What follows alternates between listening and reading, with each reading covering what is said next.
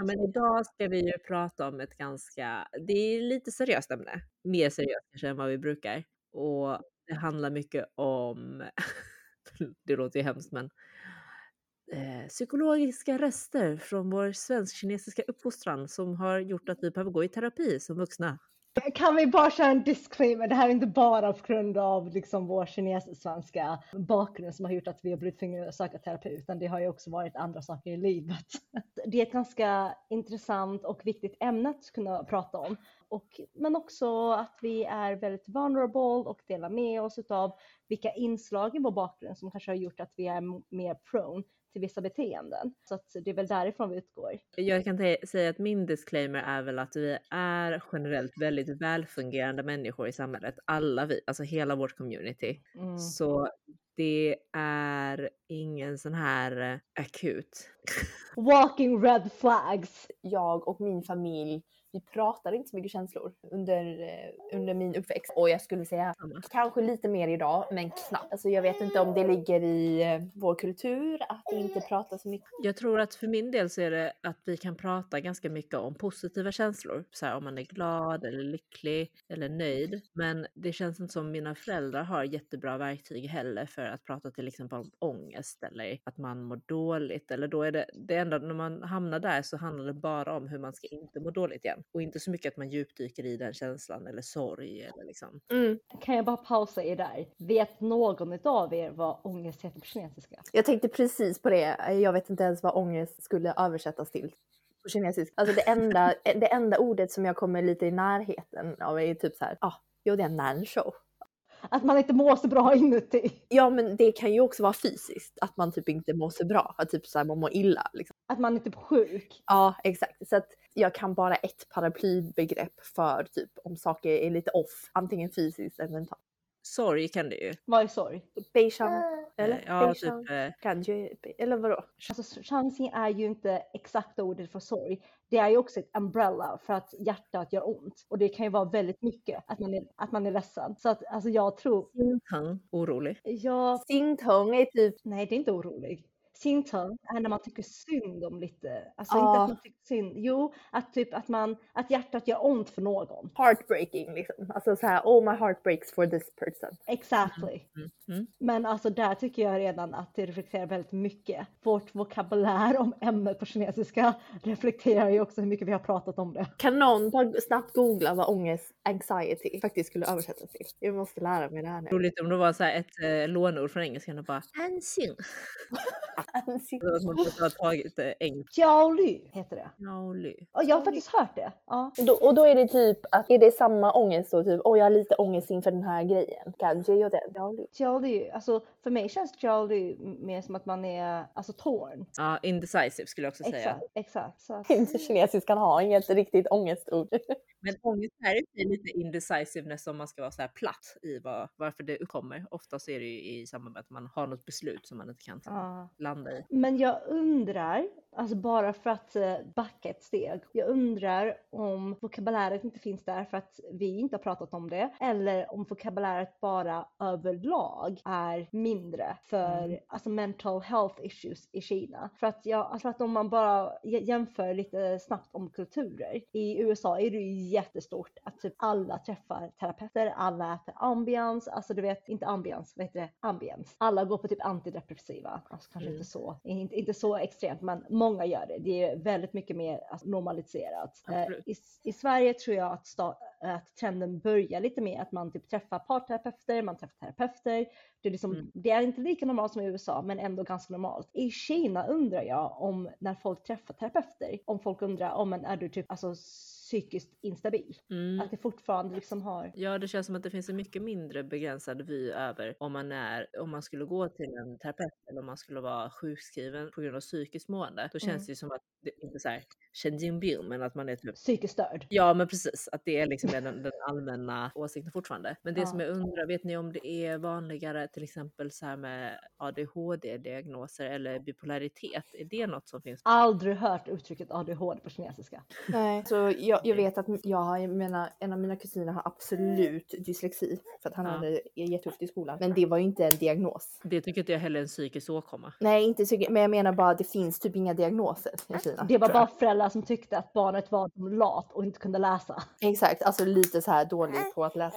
Ja. Nej, det är ju fruktansvärt att det är så. Men, men det kan ju, alltså nu vet jag inte om det är vår begränsning i att vi inte känner tillräckligt många för att kunna köra ett riktigt stickprov. Eller, för att vi har ju bara våra egna erfarenheter. Men Mm. utifrån mina erfarenheter om hur jag ser på det så känns det inte alls som att psykisk ohälsa är ett stort begrepp i Kina. Utan där är det mer extremt. Antingen så är man liksom normal eller så är man psykiskt sjuk. Men det finns liksom inte. Alla svårigheter som man har, alltså om man är till exempel, då mäter man ju prestation då såklart. Mm. Och alla som inte då presterar på topp, då är det för att man är antingen inte anstränger sig tillräckligt mycket eller Mm. att man inte är smart nog kan man ju säga också. Mm. Liksom inte tvungen, att man inte är tillräckligt smart. Men det är ju aldrig så att ja, men det är för att man ju lastas av att man har ADHD.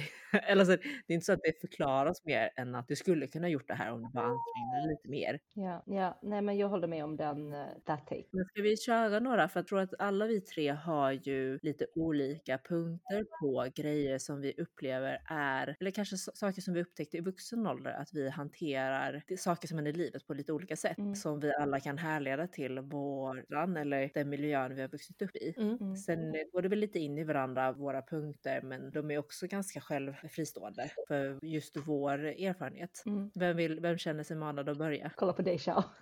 Okej, Ja, men jag kan ju börja. Jag har ju också varit sjukskriven för fem år sedan för utmattningsdepression dia- diagnosen i Sverige. Och alltså för det första så tog det ju väldigt lång tid för mig att ens kunna förstå att jag överhuvudtaget kunde bli sjuk. Det var ju så här, för då gör de ju när de skattar den som det heter då för om man ska bli sjukskriven eller inte så har de en så här poänglista och i min kinesiska hjärna så kunde jag ju förstå det. Så hade man så här, ja men om du är över en viss poäng då är du på gränsen till att bli sjukskriven för utmattning. Och jag hade kanske dubbelt av den här spärren. Så att rent logiskt så kunde jag förstå så här, okej min hjärna fungerar inte som den ska och det finns forskare som har gjort ett test så man kan liksom testa om man är där eller inte. Det handlade mycket om liksom hur ens minne var och hur man hanterade ens basala behov som sömn, mat Mm. och men även trots det, trots att det var en sån otroligt tydlig och konkret beskrivning av mitt sjukdomstillstånd så, tog det, så var det en chock över att jag kunde vara sjuk. Och sen även då en chock innan jag accepterade att jag faktiskt var sjuk, så, så dålig som jag var. Var det du som eh, sökte eh, vård eller var det, fick du, blev du uppmanad eller uppmuntrad av folk Jag blev närhet? uppmanad eh, av eh, nära vänner som tyckte att jag hade viss personlighetsförändring. Dels var det liksom att jag inte var så driv... Alltså det är också så här knäppt att man ska... De- Dels var det att jag inte var lika driven som jag brukar vara. också sjukdom i en sjukdom i sig. Och sen s- ja, men att jag prioriterade lite annorlunda, att jag ville liksom bara vara hemma och sova ungefär. Och sen så när jag gick dit, då sökte jag, då sökte jag ju också kanske hjälp för så här, jag tror jag har vitaminbrist. Alltså ni, ni förstår. På ett sätt känns det, våra kinesiska hjärnor kanske oftast har lösningen och att vi bara ska få det bekräftat. Plus att vi tänker att det alltid finns en lösning. Ja, typ så här, ja, det måste vara järnbrist. Alltså Exakt. Jag, Men gud, alltså, då måste det ju ändå vara en jättestor chock från att du trodde att det var, alltså det hade med vitaminer till att förstå att det var någonting i hjärnan som hade, som inte funkade som det skulle. jag, jag ska säga att jag pratade med en väldigt bra läkare som också var specialist inom just psykiskt mående. Han var liksom psykiatriker som hade, tror han hade så här någon AT-tjänst, eller han liksom gjorde, tjänstgjorde på den vårdcentralen just då. Mm. Och alltså, han förstod ju direkt att det var utmattning. Mm. Och han förstod också direkt att det skulle vara ganska svårt att övertala mig att det var det som gjorde det här skattningstestet då, att det var liksom poäng. Och det var väldigt tydligt så här, här brukar man ligga.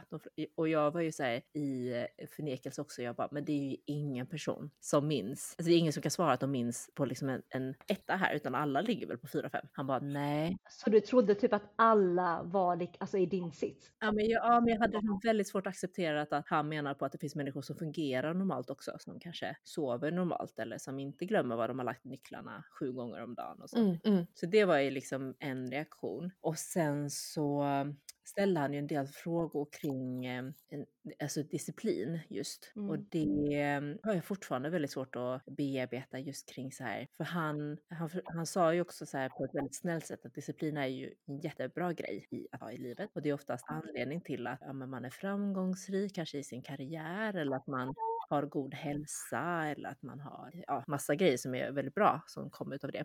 Han sa också bara, men det, din disciplin kommer liksom försätta dig i massa dåliga situationer i livet om du inte eh, förstår vilken nivå du, den ska ligga på. Alltså jag får typ rysningar um, för att jag går ju hos min psykolog nu och, och vi pratar om alltså beteende och så och hon säger, hon har inte sagt disciplin, men hon har sagt att jag har en röst i mitt huvud som är väldigt hård mot mig själv och mm. den är väldigt bra för det är den som gör mig väldigt framgångsrik för den driver på och den pushar mig. Men sen mm. sa hon, men om du inte kan kontrollera den här rösten så kommer mm. den driva dig till en plats där du inte vill vara. Mm. Ja, och det, det är så svårt också när man, det är ju en väldigt stor del av ens personlighet på något sätt och någonting som man har fått jättemycket beröm över genom åren och framförallt här från våra föräldrar och det finns väl ingen kinesisk community som inte praisar disciplin. Ja men gud ja, absolut. Jag känner personligen personligen att mycket av det som jag har quote lyckats med i livet eh, går ju att härleda till min disciplin, som ni säger. Alltså det är ju just att, att man som åttaåring väljer att sätta sig framför pianot och öva de där timmarna. Eh, det är ju ren disciplin. Han förklarar så himla bra i så här, ja men disciplin i liksom första skedet, det handlar ju om att göra någonting som man inte vill göra. Så till exempel då som det exemplet du tog upp Jenny, att man spelar piano istället för att leka ute. Mm. Det är ju att overrida en vilja. Mm. Eh, men sen allt eftersom det, det utvecklas så blir det ju att man overrider. Han bara, jag kan tänka mig att du är en person som när du sitter och jobbar med någonting, du kanske inte äter, du kanske inte går på toaletten, du kanske inte sover, liksom förrän du är färdig med det du anser att du borde göra. Mm.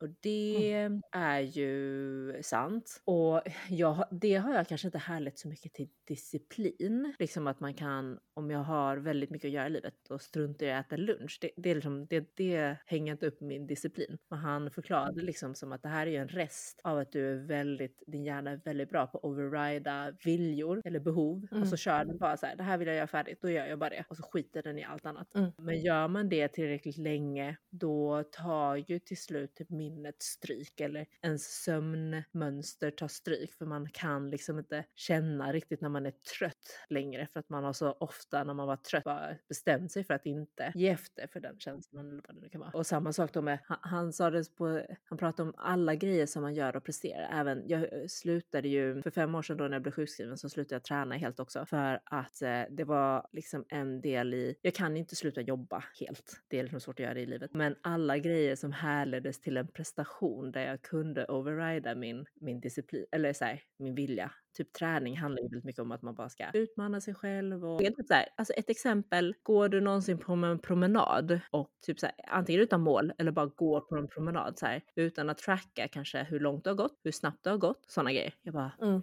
tänkte då på mina promenadrundor. Men nej, det enda jag fick göra på dem det är att antingen går det snabbare eller går den längre. Alltså jag hade ju exakt koll på hur långt det gick. Och... Hur många poddar man hinner lyssna? Typ. Ja men typ vad som helst. Jag hängde mm. upp det på någon typ av siffra. Prestation. Ja men verkligen. Så då så fick jag ju mycket så här bakläxa i början.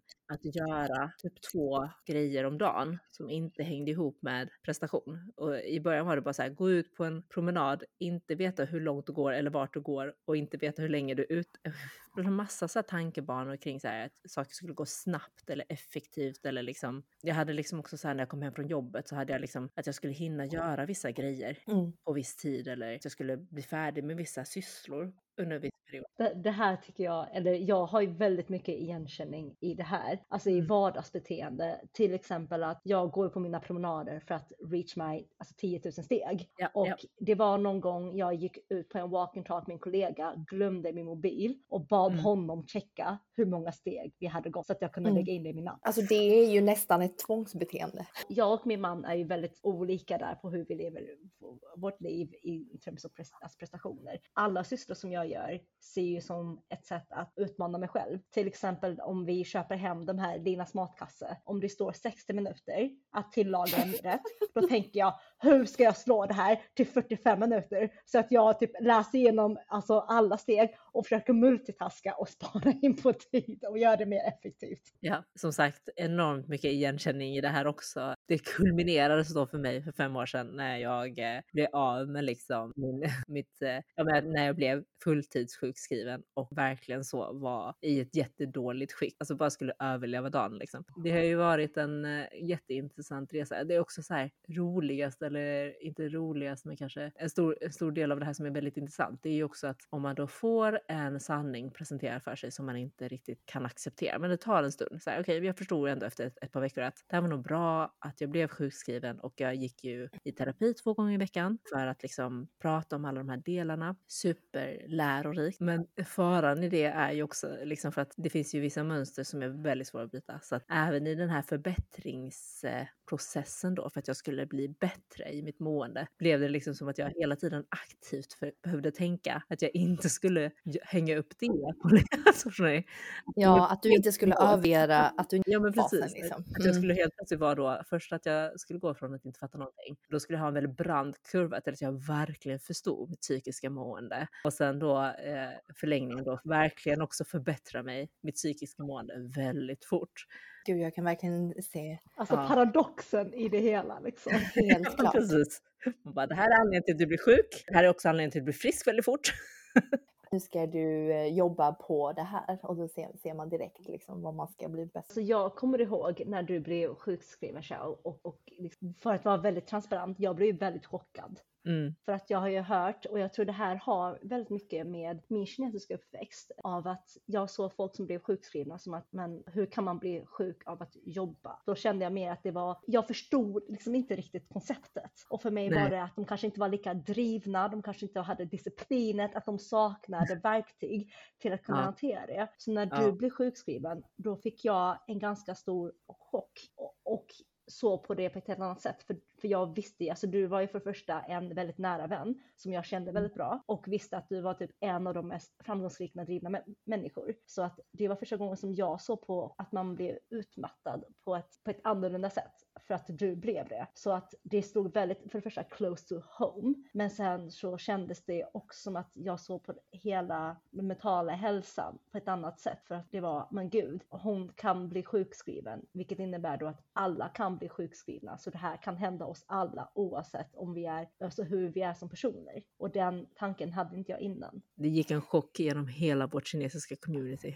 när det hände. Om jag ska haka på där då. Jag förstår, jag förstår exakt vad du menar Fanny mig. Men jag tror att jag reagerade lite annorlunda och fortfarande om jag ska vara fullt transparent för att jag tror inte att jag vet vidden av hur, hur allvarligt och hur dåligt man mår eller kan må i, när man är liksom utmattad. Och eh, jag, jag tror liksom inte att jag förstår allvaret eh, även om flera i min direkta närhet har varit, eh, varit där. Liksom. Och det tror jag är lite, beror lite på att jag har ganska mycket att komma ikapp mentalt också kring eh, psykisk eh, ohälsa eh, från min barndom för att det inte har eh, varit något man har pratat om. Och att helt enkelt som du säger Fanny, att, man, att jag också saknar verktyg till att förstå, förstå liksom de olika dimensioner i det. Mm. Ja men vi kommer in på, om vi säger att min första punkt var att jag var chockad över att jag överhuvudtaget kunde bli sjuk, så eh, är ju min andra punkt det här med disciplinen. Att eh, det är väldigt nyanserat kring att det inte bara är bra utan att det även är det som gör att jag... Eh, han sa det ganska hårt, jag vet inte om han sa att det kommer vara något som förgör dig så småningom om du tar tag i det. Liksom, han sa det på ett sätt som var så att du måste verkligen ta tag i det för att det är inte bra. Och sen så tredje grejen det får jag bara, innan du går vidare, ja. men hur tycker du att eh, disciplinen eller din liksom, överdrivna disciplin, ser du att den eh, har att göra med din uppfostran eller liksom vår kinesiska eh, kultur? Både och. Alltså jag tror att det finns ju i samhället också generellt så här duktiga flickan som också är väldigt kopplat till disciplin, att man gör massa grejer som egentligen inte vill för att plisa andra i sin närhet. Så jag skulle inte säga att det är enbart kinesisk uppfostran, men kanske det här att det är väldigt, väldigt kopplat till också hög prestation i andra hänseenden och att vi kommer in på min tredje punkt är liksom mycket så här hur man ska inte, eller hur jag inte ska, det är ju massa grejer som jag inte vill föra vidare till mina barn i den här delen. Men det finns ju också vissa delar i disciplin och prestation som är, behöver inte vara dåligt. Så att jag har ju väldigt svårt att nyansera i det. Men ett angränsande ämne som du också nämnde nu här Jenny, i det här är ju att i vår uppfostran i det kinesiska så finns det ju väldigt lite empati för om du misslyckas med någonting som du själv mm. kunnat påverka. Typ mm. så här, om du om du inte får MVG på ett prov, då är det aldrig så. Reaktionen är aldrig, ja men du gjorde ditt bästa, bättre lycka nästa gång typ. Utan det är alltid så här, du kunde gjort bättre om du bara pluggade lite mer. Ja, vad var det som gick fel? Vad var det du missade? Alltså jag har aldrig någonsin tänkt på det på det viset. Nej. Alltså det här är typ ett ha-moment för mig. För att, och det här kopplar jag till alla mina bråk med Benne. Och han bara, Mm. men varför fokuserar du så mycket på vad jag gjorde fel? Och jag bara, Mm. liksom, han bara, men fokusera på framtiden. Jag bara, fast jag måste ju peka ut vad du kunde ha gjort bättre. Det är där mina tankebanor sitter. Och jag har aldrig tänkt att det här har att göra med empati. Ja, men det blir ju precis som att man tycker att ingenting som någon misslyckas med eller inte klarar av i livet är kopplade till att den gjorde sitt bästa och det bara så det är. Utan allting kopplas, till du kunde ha gjort det här för att kunna lyckas med dina mål. Och det är i, min, i mitt arbetsliv så har jag fått jobba jättemycket med det och fått mycket feedback kring att jag behöver vara mer empatisk. Mycket så här när man ska ge feedback i, när jag har haft ledarroller och så. Att jag måste ge, du vet, det här gjorde du bra.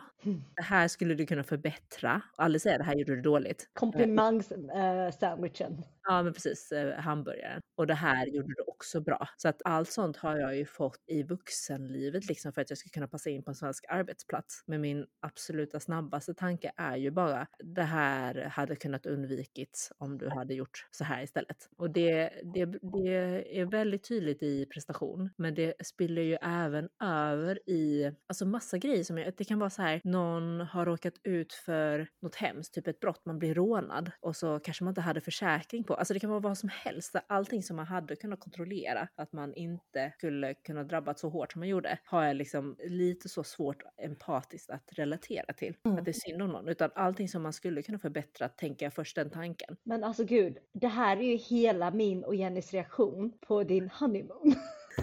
Det fanns, ju, det fanns ju liksom ingen empati från oss, utan vi tänkte ju bara varför gjorde du inte det? Varför gjorde du inte så här?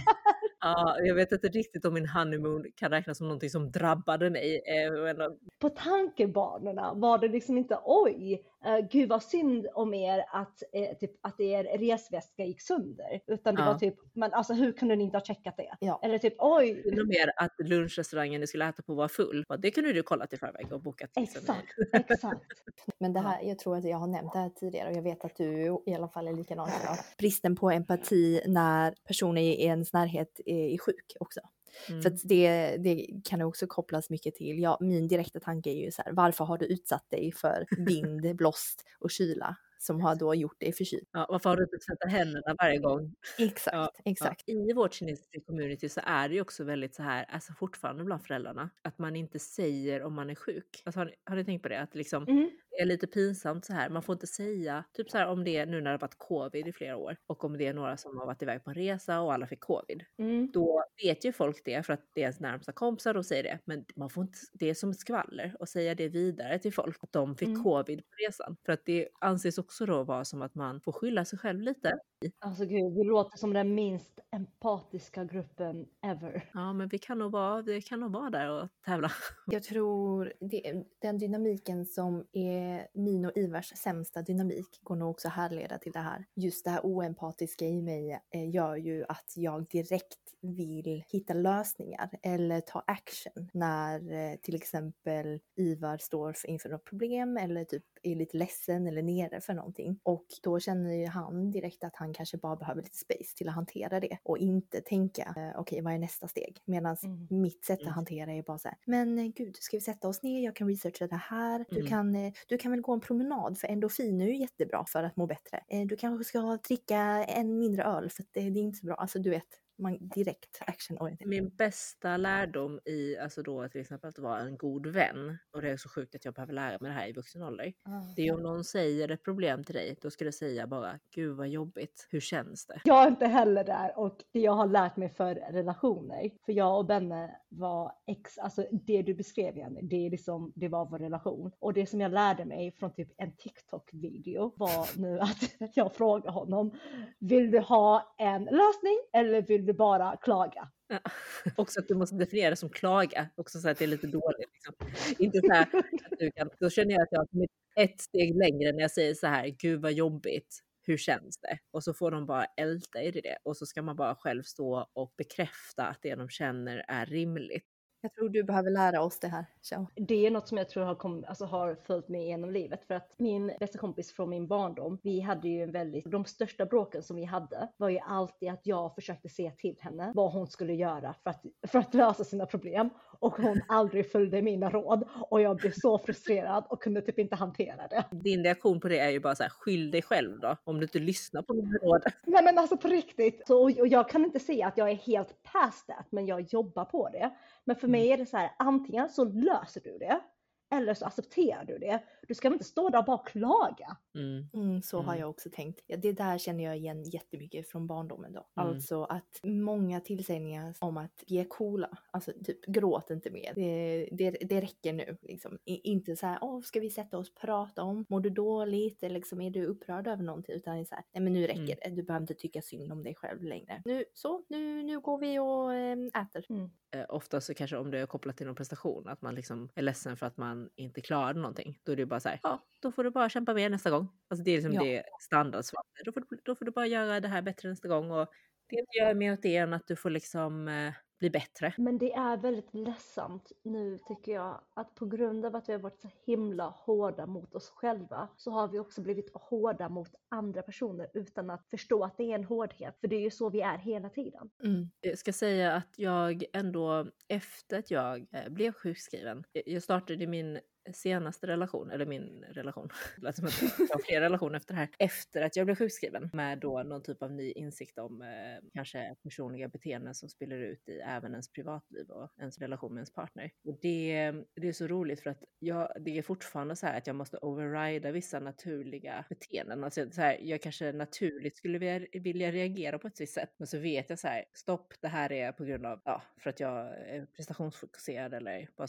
vad det nu kan vara. Så jag måste overrida det och sen så göra det som jag vet är bättre, vilket är utmattande och jag behöver tänka så hela tiden. Men om det, nu har vi också fått så här, två barn, vi har byggt hus, vi har gjort lite andra grejer. Så när, det vet jag ju när jag är trött eller när jag liksom är mer eh, pressad, då bara glider jag ju totalt tillbaka in i det som jag är mest trygg i och bara försöka problemlösa och Mm. liksom ha noll empati, jag vet inte om det är rätt ord, men jag liksom verkligen har så här, det här är det rätta sättet att lösa det här problemet. Mm. Det är också väldigt så att det tar ju väldigt mycket energi att agera på ett sätt som man är ovan vid eller som man vet är så här, det här kommer vara bättre i längden. Men Mm. det är väldigt svårt för mig att bara komma in i den tankebanan naturligt utan Mm. jag måste aktivt tänka. Ja, men vi är ju programmerade till alltså att vara lösningsorienterade, till att alltid prestera, till att alltid hitta nästa steg. Och som du säger, alltså det är ju vår default. Så att när vi är pressad, vilket man oftast är, det är väl det som är kanske paradoxen i det hela, när man väl behöver de här toolsen för att kunna lösa och vara snäll mot sig själv och hantera sina känslor,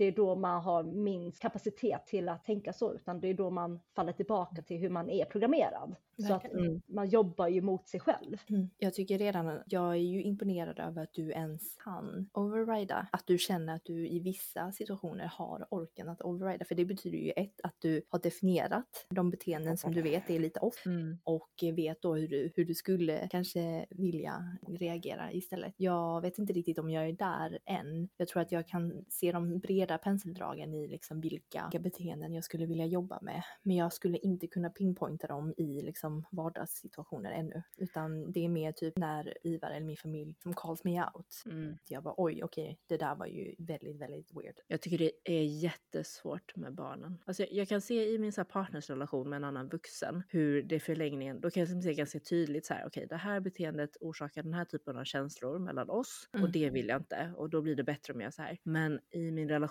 med barnen så har jag ju jättesvårt att se alternativet i så här att okej om jag ska inte få dem helt prestationsbaserade, vad är liksom, vad är alternativet? Hur vet jag att det blir bra? Om ni förstår vad jag menar. Så Mm. om vi då inte ska fokusera på att de ska prestera på topp Mm. och ge dem mycket empati i så här om de inte klarar någonting, att man säger liksom det gör ingenting, försök till ditt bästa. Mm. Nästa gång kanske det går bättre. Hur, vad det blir för människa, det har jag liksom så Mm. svårt att relatera till för min egen erfarenhet är bara att man gör det på det sättet som jag känner till. Men där, Mm. det hjälps, för Mats, min man har ju haft noll förväntningar på prestation Från sin sin familj. familj. Alltså Mm. noll. Det är så här, ingen har liksom förväntat sig att han ska plugga. Ingen har förväntat sig att han ska kämpa hårt för någonting. Ingen har liksom sagt att han behöver vara ihärdig i att om man provar en sport så måste han liksom hålla fast vid den och inte bara sluta så fort han tycker att det känns tråkigt. Mm. Men han har ju ju ändå haft ett driv. Och nu, nu är hans driv mycket,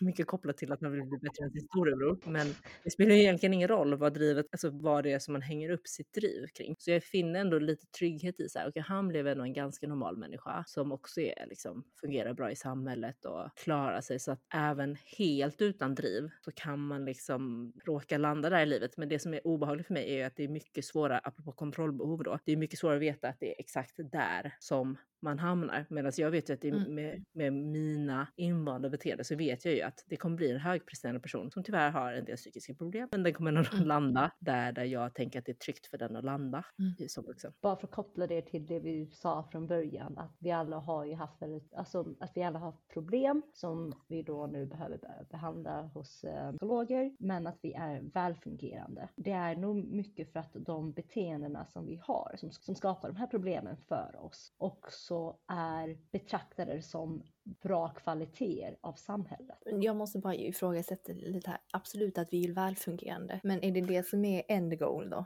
Eller alltså, är vi välfungerande men mindre lyckliga än vad vi hade kunnat vara om vi inte satte de prestationskraven på oss? Alltså det har vi ju verkligen fått med oss från barndomen. Det känns ju så otroligt kinesiskt. Alltså så här, att vara en bra medborgare som bidrar till samhället. Jag tycker inte det är så problematiserande än. Så här, jag tycker det är ganska behagligt att kunna känna så här, ja men vi kan ha ett normalt jobb och i en normal relation och ha barn utan att det är så här, är helt kaos i vardagen hela tiden. Jag tycker det är bra att vi är välfungerande, men jag, men jag tycker det är en väldigt intressant frågeställning. Mm, ja, absolut. Om vi hade kunnat välja att vara mer lyckliga och mindre drivna, skulle inte det vara något då? Men problemet för mig är att jag ser drivenhet som lycklighet. Att när jag når mål, det är där jag får lyckan, men det är också det som gör mig knäpp. Exakt, det är så vi programmerade. Precis, jag skulle också säga att jag skulle behöva gå liksom väldigt många år i terapi innan jag skulle kunna komma fram till så här, omdefiniera min definition av vad som, vad som gör mig lycklig. Det är precis som du Fanny så hänger det också väldigt mycket ihop med att jag blir nöjd och lycklig om jag kan jobba med någonting som jag tycker är kul, som, eh,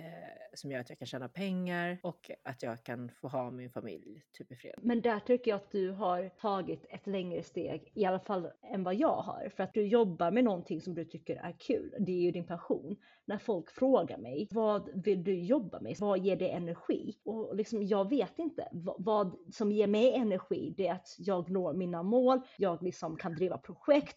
Jag ser milestones, jag missar aldrig en deadline, jag ser en progress. Alltså det är alltid med själva resan, att jag gör någonting, att jag springer fort och att jag skapar någonting. Men Mm. vad det är, det spelar ingen roll. Fanny, vi är ju ganska likadana. Vi har ju ganska likadan så profil i eh, arbetslivet, eller vad man ska säga. Nej, men det har vi ju och jag känner igen väldigt mycket i det du säger nu. Och det, jag gillar att jaga mål som andra har satt upp för Mm. du och jag har ju uttryckt att sen, men där skiljer ju du eh, från oss mest för att både du och jag har ju sagt att eh, vi skulle älska att ha en så här operativ chefsroll. Alltså typ Mm. att någon annan sätter upp visionen, strategin och Ja. att vi bara kan execute här. Okej fine, jag köper din eh, strategi. Nu Mm. ser jag till att det händer. Exakt. Mm, precis, för vi har ju lite nyanseringar i vår uppfostran, även om vi har uppfostrats i samma liksom, grupp av människor så har vi, eh, alltså ända sedan vi var ganska små så har vi lite olika, alltså våra föräldrar är ju inte helt lika. Och där är ju jag och Sosso är ju mer lika, våra föräldrar också lite mer lika i vad de har tyckt är viktigt. Och sen så Mm. har era föräldrar varit lite mer lika och därför kanske de har umgåtts mer med varandra liksom. Alltså jag tycker det är ganska intressant att Kjell, som då är den mest svenska av oss, har den mest kreativa och entreprenöriella resan. Medan jag och Jenny som är lite mer kinesiska är liksom yes sir, yes sir. Jag och Fanny most, more likely till att ha en så här kinesisk quote hemma. Tian tian xiang shang, eller vad heter det? Det betyder alltså dag för dag så är, strävar vi upp. Uppåt, Ja. uppåt, dag för dag. Mm. Jag fick också kämpa med lite, lite med mina föräldrar när jag skulle bli arkitekt. Det var ju de bara, ja visst om det gör dig lycklig, typ, var ju deras inställning först. Och sen så när jag var färdig, då fick de i panik och bara, gud du får inget jobb. Jag sökte jobb så här mellan juni och augusti, alltså så som man ofta gör när man ex examineras liksom i juni. Och det är ju som det oftast är också helt dött att söka jobb då för att alla är liksom på semester, det är ingen som anställer någon liksom i juli direkt. Nej, nej. Nej, nej. Men då fick ju mina föräldrar panik och bara, åh gud, jag sa ju att det här skulle vara, vara så svårt att söka jobb och liksom gud, det kommer vara arbetslös resten av livet. Alltså den, där gick liksom de i sina tankebanor för de hade tagit en risk och tillåtit mig att, plugga det här. Och sen så då liksom direkt i september så fick jag ett jobb. Ja. Och då var de så här, liksom första hörda, alltså det var som att de pustade ut och bara okej, nu har ni i alla fall ett jobb. Vi skiter liksom i hur det går eller vad det ger för möjligheter för framtida intjäning. Bara hon inte är Arbetslös. Ja men typ så här, spenderat fem år på att bli något som ingen vill. Men du har ju visat både dina föräldrar men också hela communityn att du kan lyckas på ett annat sätt. Och jag Mm. tror det är det som folk respekterar dig för väldigt mycket. Men det är också där ditt, alltså din drivenhet kommer extra mycket. För du behöver ju, alltså du har be- behövt bevisa dig själv på ett annat sätt. Ja, men det är också sjukt att vi pratar om det här. Jag är ju ändå, jag är ändå arkitekt. Alltså det är inte så här, Ja, jag är inte musiker eller liksom så här poet. Filosof. Nej, någonting som är så här verkligen svårt eller kreatör på något annat sätt som jag, det, alltså, jag tror det belyser ändå hur snäv deras uppfattning är. Det är så här, arkitekt, det är fem år på KTH, eller, eller det på teknisk högskola, men till och med Mm. det, de bara, det sjukaste utbildningen, så man kan inte få jobb. Alltså det är liksom, det är ingenting, det är ingen riktig utbildning.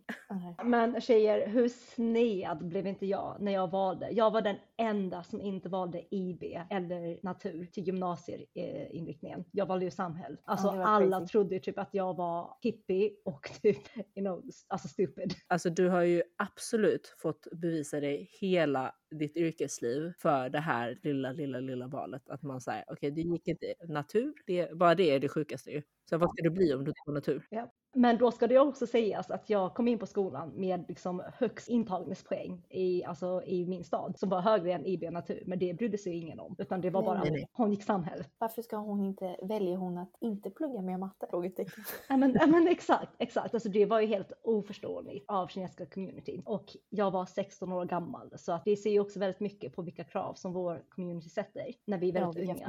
Ja, men Mm. också, jag minns typ så här, jag läste ju, eh, det var här hundra år sedan, men jag läste ju juridik Mm. på första året eh, på universitetet. Det är en ganska svår utbildning att komma in på, så de flesta som går där tycker att man är så här lite cool, liksom, eller är väldigt stolt över att de har kommit in. I Mm. vårt community var det så här, gud, hon har valt en slaskutbildning. Samhällskunskap, alltså också så här det här med samhällskunskap. Mm. Det, är inte, det är inte riktig information, det är så här saker som folk tycker lite. Det kan ändra riktigt. Och verkligen så här, det var ingen som var så här, åh vad coolt att du har kommit in. För det var ju bara förväntat, klart jag skulle komma in. För det var, så här, det var inte, det var inte liksom 2.0 för att komma in på juridik. Det kanske var 19,9. Och det Mm. var ju självklart, självklart att man hade de betygen. Liksom. Och samma sak, så här, alla ni, det är många av er som har gått handels och medicin. Det har heller aldrig varit så här snack om så här, att det skulle vara svårt att komma in. Mm. Eh, utan alla förväntar sig ju bara att ha de betygen för att komma in. Sen kan man välja om man skulle gå då på Mm. Men alltså förväntningarna på oss som, som barn och unga vuxna har ju format oss till de vi är idag. För att alltså, det är ju som inte så här once in a lifetime förväntningar utan det är ju förväntningar som har funnits där från barnsben. Om det nu är MVG eller handels eller liksom bra jobb eller whatever. Det har ju alltid förväntats av oss att vi ska vara de högst presterande, vilket vi oftast har varit. Mm, Men baksidan är väl att liksom det här disciplinet som Sean nämner, det är inte alltid vår vän. Och jag har aldrig någonsin tänkt så på det viset. För mig har det alltid varit, alltså the lack of discipline är ett problem, men inte att man har för mycket disciplin. Jag känner bara att ja, du ska få berätta vad du vill förhöra till dina barn. Men bara det slog mig nu, också disciplin i vardagen. Att jag har så otroligt mycket disciplin i vardagen. Eh, och jag tror att jag har observerat det hos mina föräldrar och att det har liksom bara gått rakt ner till mig. Mycket mentaliteten att kanske göra tråkiga eller nödvändiga, eller nödvändiga saker först innan man njuter av Mm. Alltså det här Ja. tänket att Ja, trigga igång så många punkter i min hjärna när du bara säger det. Samma här. eh, gå och träna nu för att Mm. du ska ens kunna njuta av en kaka. Mm. Eller typ eh, städa först Mm. innan du kan få gå ut och Titta leka. på tv. Ja. Ja, Mm. absolut. Hundra. Typ öva piano först Mm. innan du kan eh, logga in på MSN. Igår tving, tvingade jag ut hela familjen, eh, för att Ben och Samma var på besök, eh, på en två timmars promenad för att vi skulle kunna få fika. Ja. Ja, Mm. alltså Fanny, jag, jag, jag resonerar med dig 100%. Alltså jag förstår Mm, dig. mm. Jag förstår dig 100%. Och då är ju den fikan jävligt god sen. Men Man, man, ska, man ska ha lidit lite innan.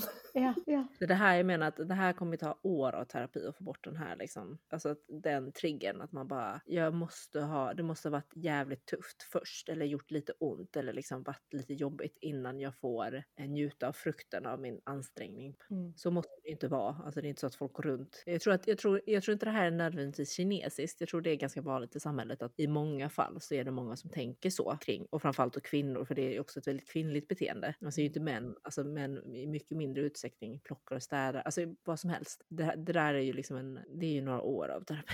Jag ser liksom att det är väldigt långt att jag ska hamna där. Det är också en ganska intressant poängshow. Liksom vad är i vårt kvinnliga uppväxt och vad är i vårt kinesiska? Och blev det liksom dubblat för vi alla är kvinnor och kinesiska. Det var väldigt Mm. intressant att bjuda in en av våra manliga högpresterande kineskompisar för att Mm. se om de uppfattar det på samma sätt eller om det har varit annorlunda för dem. Mm. Förlåt, men våra manliga motsvarigheter, kan ni ens föreställa er att prata emotionella känslor med dem på det sättet som Alltså för det har man ju, får man ju ändå tacka att man är kvinna, att man har fått det lagret för att man påtvingas ju ha empati som kvinna på ett annat sätt. Medan hade jag varit man och jobbat i min bransch, jag hade inte behövt bete mig lika empatiskt för att det hade inte förväntats av mig. Men nu så kommer jag in som en ung kvinna, då, då är folk så här, du kan inte vara så där hård. Men hade jag kommit in som ung man, då hade det kanske bara sett som en skitbra ledarskaps, ledarskapsegenskap. Ja, Det kanske är därför liksom det har gått sjukt bra för dem också. Ja, det har ju gått jättebra för Mm. dem, men bara föreställa er och diskutera så här, psykisk ohälsa, ADHD, alltså grejer som kan vara folk i last Mm. för deras prestation. Alltså, de känns ju också som att de är helt, förlåt, men obildade. Är helt av, avtrubbade. Dock också en generationsfråga tror jag. Jag tror kanske att min lillebror och liksom generationerna under ändå att de har andra förväntningar på sig nu som män. Men ja, Mm, att det är mer okej att prata om. eh, Så att det är väl en, en mix av allt. Det är sant. Dock så vill jag bara säga, jag tror aldrig att jag har sett, men bara det sitter, det sitter så mycket på hornhinnan att jag aldrig typ har mina föräldrar slappa i soffan innan de har gjort typ fem miljarder grejer som måste göras. mm. Alltså det är bara, det, det, ja. Mm. Så det, mm, det triggar väldigt mycket det här med disciplin. ja men så svar på frågan då på vad jag skulle vilja föra över till mina barn. Mm. Det är ju en jättesvår fråga för att som sagt, jag och ni verkar samma, får ju fortfarande väldigt mycket tillfredsställelse av de prestationerna jag har gjort i livet och de som jag fortsätter kommer göra. Mm. Så bara det blir en väldigt svår måttstock för jag, det har jag ju, alltså det är så här, vad är hönan och ägget? Det har jag ju för att jag har haft den uppfostran som jag har haft. Så att har man inte haft den uppfostran så kanske man inte heller behöver det, den typen av stimuli. Men till exempel vad går på min man, han tycker ju, det är också så intressant för det är ju inte problem för honom på samma sätt, men han tycker ju bara det är kul om han kan påvisa disciplin för han har liksom inte det här sjuka beteendet inpräntat i sig, att han då overrider allt, utan han, han kan ju ha så här jättehöga mål och sen så misslyckas han med dem ibland för att han ger vika till liksom en frestelse eller liksom en, ett behov. Mm. För honom är det ju bara en, en sport att lyckas. Mm. Eh, och det är också så här väldigt speciell, fast resultatet är ju detsamma. Säg att han då fort också är väldigt så högpresterande, men för honom så är det ju inte ett skadligt, han, det är nog väldigt långt honom att han skulle dra det till att han slutar sova, slutar äta. Där är vi ju också lite oense. Han ser ju också upp till väldigt många kvaliteter som man tycker är åtråvärt då i det som jag kan uppvisa från min kinesiska uppfostran, som man Mm. vill att barnen ska ha. Typ att Mm. eh, han tycker ju att det är kul om barnen kan alfabetet. Eller- Alltså jag vet inte, det finns massa grejer som de tycker att inte, det blir liksom som att det sitter väldigt grunt i mig så här, ja men barnen ska vara bäst i sin klass på allting. Det, det tycker jag är bara självklart. Och jag tycker inte heller det är något svårt för dem, för att jag tycker inte att det har varit svårt för mig.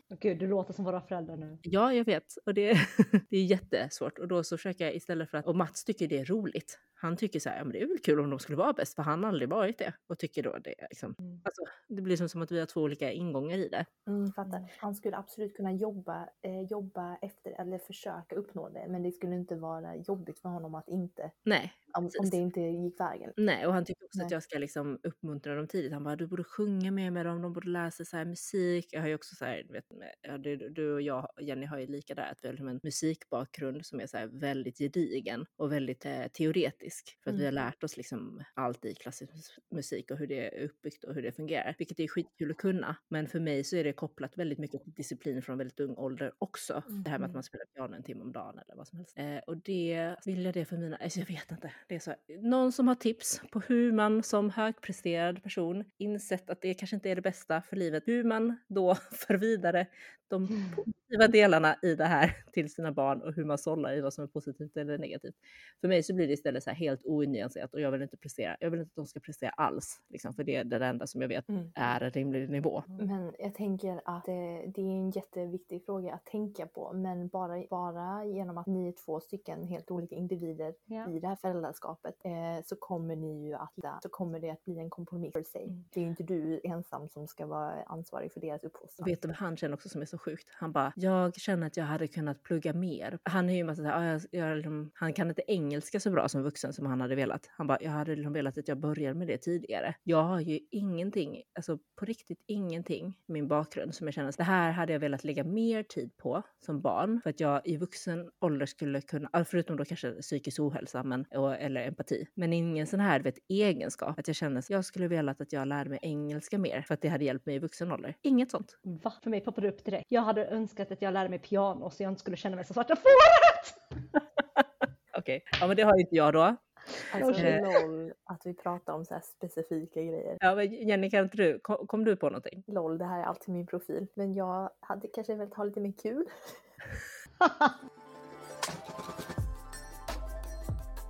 Ja, Det är precis som du sa Fanny, det här tog ett helt snitt att prata om mig. det är väl eh, det är superviktigt och jag tänker att det är ganska hög igenkänning och det är svårt att inte prata mycket om det här. Mm. Som sagt, vi kommer ha en liten miniserie om det här. Så att i de två kommande avsnitt så kommer jag och Jenny också dela med oss utav vår mental health journey. Mm. Stay tuned. Stay tuned så ses vi om två veckor. Yes, okej. Hej då! Hej då!